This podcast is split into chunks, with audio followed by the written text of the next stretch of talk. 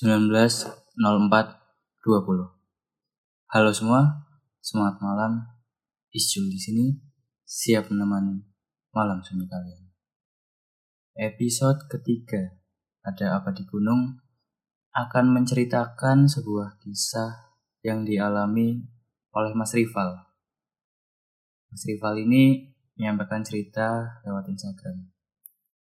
Instagramnya at rival.cupu pada saat melakukan pendakian ke Gunung Sumbing. Gunung Sumbing adalah gunung tertinggi kedua di Jawa Tengah, dengan ketinggian 3.371 meter di atas permukaan laut. Gunung Sumbing ini punya gunung kembarannya, yaitu Gunung Sindoro, yang lokasinya berada di sebelah Gunung Sumbing. Itu sedikit soal Gunung Sumbing. Sekarang, langsung aja kita masuk ke ceritanya. Cerita ini dimulai pada tanggal 29 Maret 2018. Kami rencananya ingin melakukan pendakian ke Gunung Sumbing via Garung. Di dalam bus yang kami tumpangi, ada tiga orang pendaki lain. Mereka adalah Danu, Heru, dan Eko. Awalnya, mereka berniat mendaki Gunung Sindoro. Kejadian aneh dimulai saat bis kami mogok di tol Cipali saat akan menuju Wonosobo. Kami berangkat jam 9 malam tanggal 29 Maret 2018 dan mogok di Tol Cipali pukul 1 dini hari tanggal 30 Maret 2018. Dari jam 1 malam, bis kami baru jadi jam 3 sore. Habis itu kami lanjut jalan ke Terminal Wonosobo. Kami sampai di Terminal Wonosobo pukul 12 malam. Habis itu, kami menyewa travel dari Terminal Wonosobo menuju ke basecamp Gunung Sumbing via Garut. Akhirnya, si Danu, Eko, dan Heru pun memutuskan ikut kami mendaki Gunung Sumbing dan mengurungkan niatnya mendaki Gunung Sindoro. Kami pun tiba di basecamp Garung pukul 1 malam. Habis itu, kami lanjut tidur dan niatnya jam 6 pagi kami mau langsung trekking. Tapi karena kami semua kelelahan, setelah bangun, kami packing barang dan memutuskan untuk trekking pada pukul 9 pagi. Salah satu uniknya Gunung Sumbing adalah ojeknya. Kami pun tidak mau menyanyiakan kesempatan ini. Kami pun berangkat menggunakan ojek Sumbing yang unik tersebut. Namun, beberapa teman saya, yaitu Troy, Ohan, Tenyom, dan Melinda, memutuskan berjalan kaki menuju pos 1. Akhirnya tim kami pun terpecah menjadi dua. Yang berangkat naik ojek udah duluan, disusul tim yang jalan kaki. Ketika kami yang naik ojek melakukan perjalanan dari pos 1 sampai pos 2, saya awalnya biasa saja. Namun, ketika sampai di pos 2, ada hal yang janggal. Teman saya yang bernama JJ dari tadi nggak minum jalan dari pos 1 ke pos 2. Saya pun menawarkan minuman ke dia. J, Minum, kata saya. Gak usah, gak haus. Haus gak haus harus tetap minum biar gak dehidrasi. Akhirnya, JJ pun minum, walaupun cuma sedikit. Saya pun iseng tanya ke JJ. J, lu kenapa gak mau minum? Dia menjawab, gak apa-apa, gak usah aja. Kenapa? Dia pun akhirnya berbisik ke saya. Gue lagi menspal, kalau kebanyakan minum, takut bocor di jalan. Astagfirullah, kenapa nggak bilang dari awal? Gak apa-apa, nggak enak aja sama yang lain. Takut pada kepikiran. Setelah itu, singkat cerita, kami sampai di Pestan, yaitu pos terakhir untuk mendirikan tenda. Sambil menunggu rombongan yang jalan kaki, kami pun mendirikan tenda sambil ngobrol-ngobrol. Setelah berselang satu jam, Akhirnya rombongan yang jalan kaki pun tiba di Pestan. Malam pun tiba. Selayaknya pendaki lain, kami pun masak-masak sembari bercengkrama di luar tenda. Di Pestan, cuma ada tenda kami dan empat tenda lain yang dibangun di pos ini. Setelah makan-makan dan ngobrol, kami pun memutuskan untuk istirahat. Suasana malam itu benar-benar hening.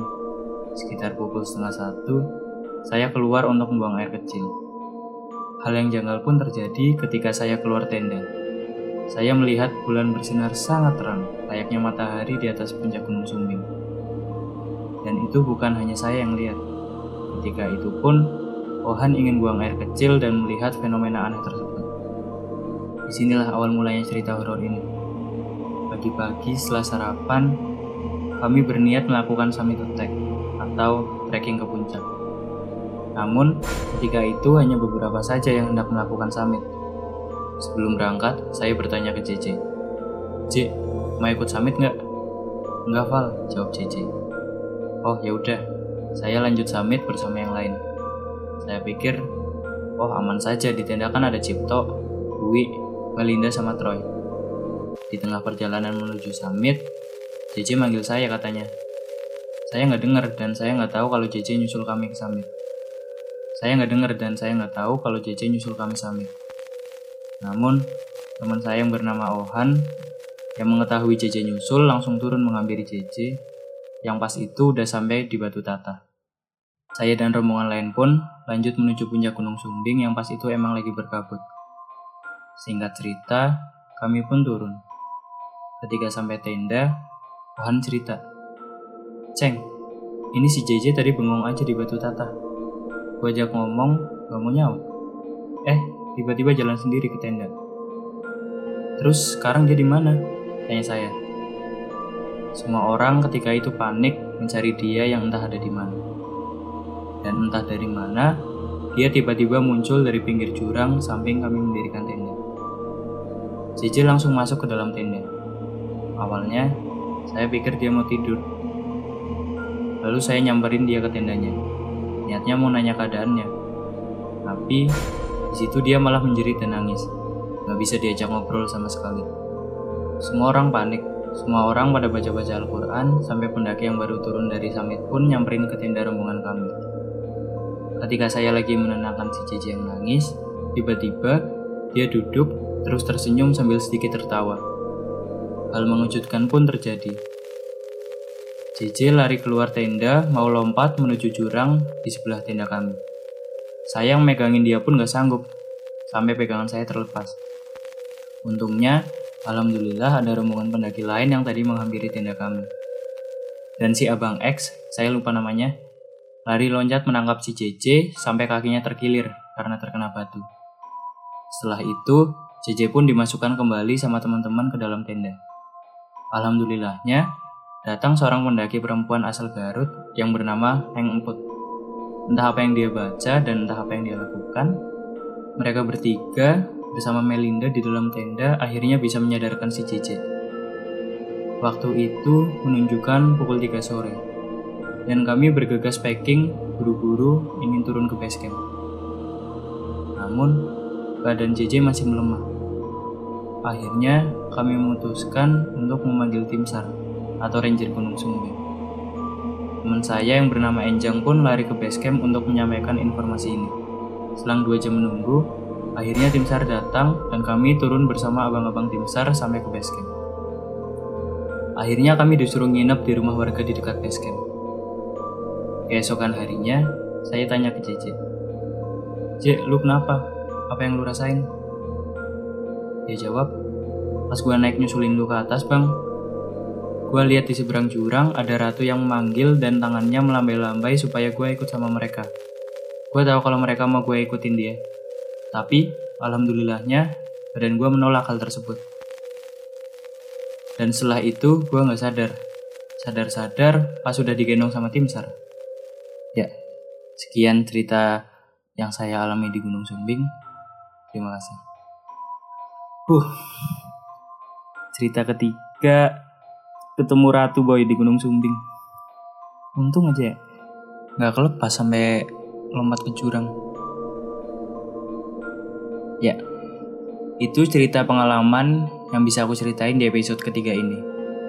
Bagi kalian yang punya cerita pengalaman menarik seputar pendakian dan mau kami bacakan, bisa kirimkan lewat DM Instagram kami ke @itsjul atau via email ke heyitsjul@gmail.com.